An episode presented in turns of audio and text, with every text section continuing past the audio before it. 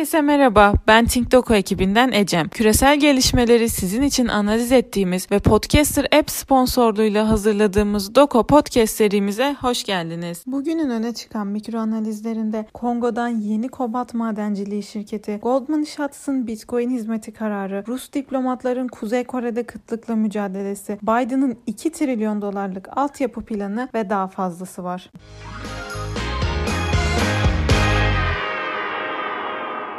İlk başlığımızda Kongo devlet mülkiyetinde bir kobalt madenciliği şirketi kuruyor. İç savaş ortamının devam ettiği Kongo'da tekel haklarına sahip bir kobalt madeni şirketi kuruldu. Şirketin devlet mülkiyetinde olduğu da aktarıldı. Bu önemli. Kongo'da iç savaş devam ederken stratejik öneme haiz kobalt madenlerinin kontrolünün bir kamu tüzel kişiliğine devredilmesi iç savaşın uluslararasılaştırılmasını da mümkün kılıyor. Batarya üretimi için kritik önemi bulunan madenlerin değerinin gün gittikçe gittikçe artması batarya üreticilerini alternatif tedarik seçeneklerine yönlendirirken bu seçenekleri kimin kontrol ettiği sorusunun da önemi gittikçe artıyor. Bu anlamda Kongo'daki iç savaşın hem uluslararasılaşması hem de derinleşmesi ve muhtemel bir insani krizle yükselen politik risk beklentiler arasında.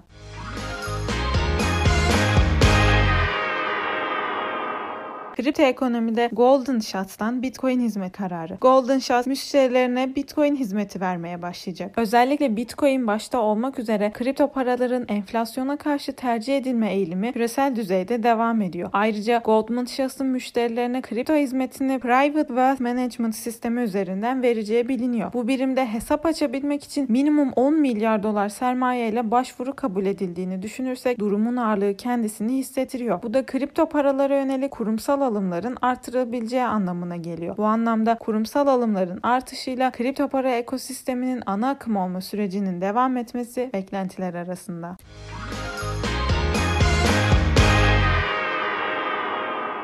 Doğu geriliminde ise Rus diplomatlar Kuzey Kore'de kıtlıkla mücadele ediyor. Kuzey Kore'de katı Covid kısıtlamalarının yol açtığı temel ihtiyaçlarda meydana gelen kıtlık Rusya'nın Pyongyang Büyükelçiliği'nin yaptığı açıklamaya göre ülkedeki diplomatları zora sokuyor. İngiltere, Brezilya, Almanya gibi ülkeler diplomatik misyonlarını bir süreliğine askıya alırken uluslararası insani örgütlerin yabancı personelleri de ülkeyi terk etme yolunda. Salgından önce de dışa kapalı izole bir ülke olan Kuzey Kore Covid-19 ile birlikte daha da kısıtlayıcı bir hale büründü. Bu kısıtlamalar sonucunda ilaç dahil temel ihtiyaçlarda kıtlık meydana geliyor. Kuzey Kore'nin diplomatları bu denli sıkıştırması ve kendini dış dünyaya tamamen kapama girişimleri marjinalleşme adımı olarak görülüyor. Kuzey Kore Covid-19 nedeniyle sınırlarını kapatan ilk ülke olmasıyla beraber komşusu ve nispeten de yakın olduğu Çin ve Rusya ile ekonomisine maliyet getiren katı ticaret kısıtlamalarını uygulamıştı. Rus diplomatların bu duruma ek olarak katı tecrit tedbirlerine ve sert muamelelere maruz kalması Kuzey Kore ve komşuları arasında soğuk rüzgarlar esmesine sebep olacak gibi görünüyor. Rus diplomatların senenin başında başlarına gelenleri sergilemesi ve bunu Kuzey Kore hükümetini utandırmak amacıyla sosyal medyada yayması iki ülke arasındaki ilişkiyi kızdıracak hamleler olarak görülüyor. Bunlarla birlikte Kuzey Kore'nin revizyonist blokta marjinalize olmasıyla yükselecek bir politik risk kapıda.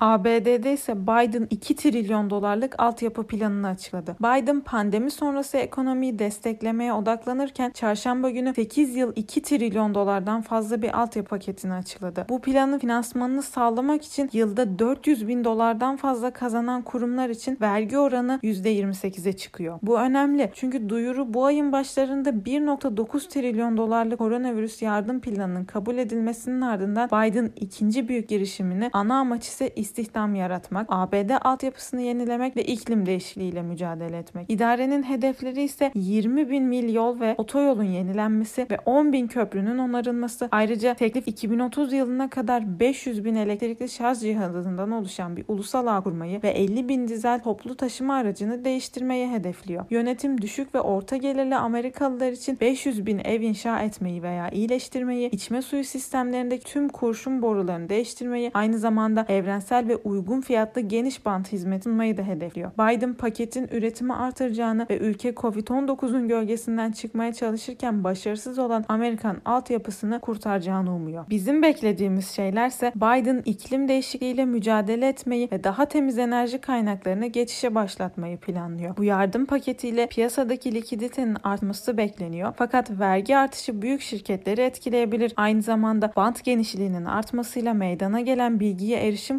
kolaylığı sayesinde eğitim alanında yeni gelişmeler olabilir.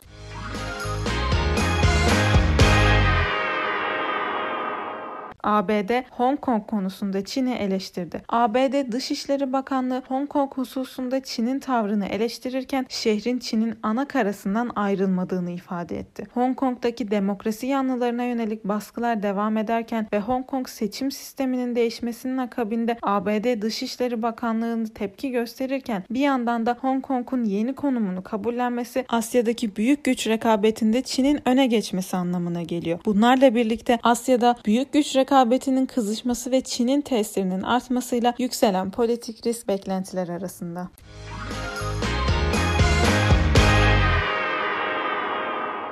Körfez güncesinde ise Suudi Arabistan'ın yeni yatırım planı var. Suudi Veliaht Prens Muhammed Bin Selman 2030 yılına kadar gerçekleşmesi beklenen 3.2 trilyon dolar büyüklüğünde bir yatırım planı açıkladı. Hükümet ve iç tüketim harcamaları da ilave edildiğinde toplam yatırım büyüklüğünün 7.2 trilyon dolara yükselmesi tahmin ediliyor. Suudi Arabistan çeşitli iç ve dış yapısal baskıların sonucu olarak petrole dayanan mevcut ekonomik ve buna bağlı olarak siyasi sosyal yapısını dönüştürmeye dönüştürmeye çalışıyor. Ekonomik çeşitlendirme bu noktada atılan adımların ve izlenen stratejilerin özünü oluşturuyor. Krallığın Vizyon 2030 projesinin özünde de ekonomik çeşitlendirmenin sağlanması ve bunun üzerinden mevcut rejim yapısının korunarak sosyal bir dönüşüm gerçekleştiriliyor. Bu kapsamda ülkeye yabancı yatırım çekilmesi ve özellikle genç Suudi nüfus için yeni iş imkanlarının oluşturulması noktasında çeşitli adımlar atılıyor. Geçtiğimiz ay uluslararası şirketlerin bölgesel merkezlerini krallığa taşıması için atılan adım buna örnektir. Son olarak iç ekonomik piyasanın canlandırılması ve çeşitlendirilmesi noktasında açıklanan bu yatırım planı bu bağlamda değerlendirilebilir. Bu anlamda Suudi Arabistan'da yatırım odaklı girişimlerin artmasıyla Vizyon 2030 projesi altında ekonomik iç piyasanın canlanması beklentiler arasında ve elbette Suudi Arabistan için düşen ekonomik risk.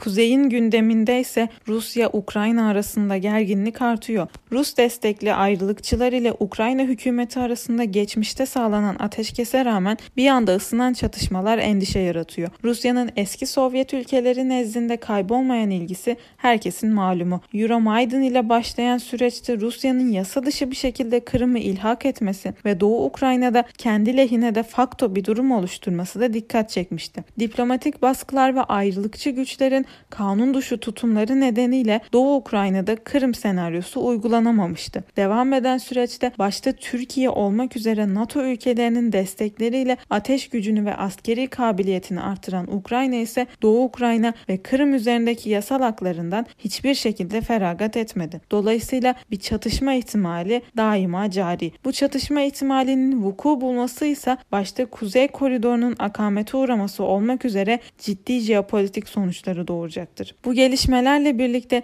İdlib yahut Donbas'ta çatışma başlaması, Rusya'nın Suriye stratejinin Ukrayna'daki seyre göre belirlenmesi, güçlü NATO tepkisi ve yükselen politik risk beklentiler arasında.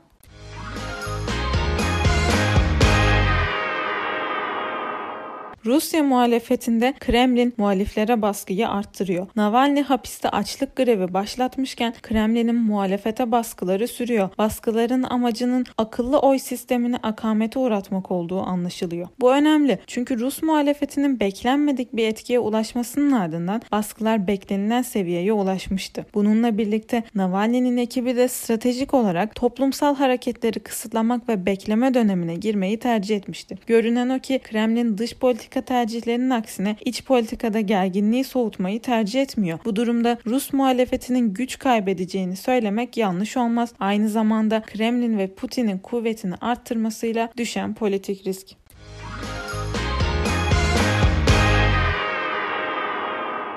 Microsoft ABD ordusunun VR gözlüğü ihalesini rekor fiyata aldı. ABD ordusunun açmış olduğu ve askerlere temin edilecek olan 120 bin arttırılmış gerçeklik gözlük setleri ihalesine 21.9 milyar dolara Microsoft kazandı. Microsoft'tan yapılan açıklamada bu gözlüklerin HoloLens teknolojisi baz alınarak hazırlanacağı ve bu sayede askerlerin sanal ortamlarda, karanlık ortamlarda tatbikat yapabileceği söylendi. Askerlerin arazide de görüntü yerleştirme, hedefleme desteği sağlamak için arttırılmış gerçeklik ve makine öğrenimi teknolojisi kullanılacak. Gözlüklerde bulunan yapay zeka teknolojisi sayesinde de askerlerin tepkileri canlı olarak takip edilip analiz edilebilecek. Bu önemli. Arttırılmış gerçeklik teknolojileri noktasında diğer büyük oyuncuların ordu ile çalışma noktasında isteksiz davrandığı bilinse de Microsoft böylesine büyük bir anlaşma yapmaktan çekinmedi. Aynı zamanda Microsoft HoloLens teknolojisini ordu ile gerçekleştirdiğini duyurduğu ilk günden bu yana kendi içinden olmak üzere bazı eleştirilere maruz kalmış ama bunu umursamamıştı. Bunlarla birlikte başta ülkelerin de arttırılmış gerçeklik teknolojilerine savunma sanayi alanında yatırımlar yapma isteğinin artması muhtemel. Aynı zamanda Microsoft'un çok büyük ölçekli bir devlet yüklenicisi anlaşması yapması bu alanda yaptığı yatırımlarda karşılaşacağı sorunları çok daha hızlı çözmesine ve bu sayede bu alanda daha verimli teknolojiler sunmasına sebebiyet verebilir.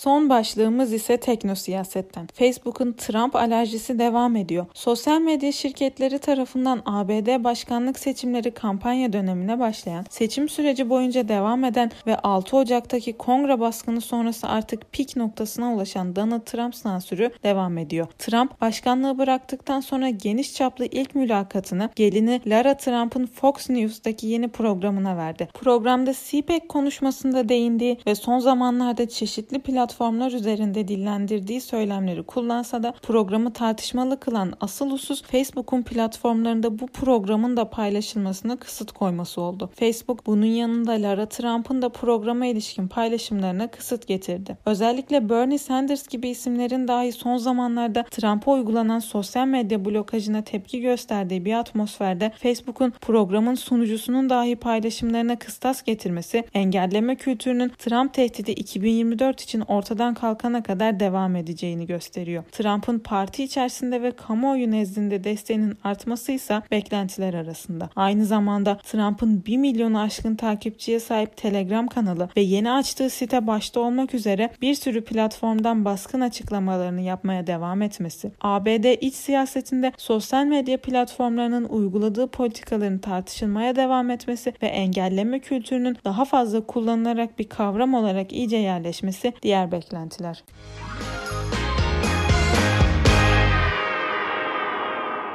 Bugünlük bültenimizin sonuna geldik. Beni dinlediğiniz için teşekkür ederim. Umarım siz de dinlerken benim kadar keyif almışsınızdır. Dünyayı anlamlandırmak için bültenlerimizi takip etmeyi unutmayın. Bir sonraki podcast'imizde görüşmek dileğiyle. Hoşçakalın.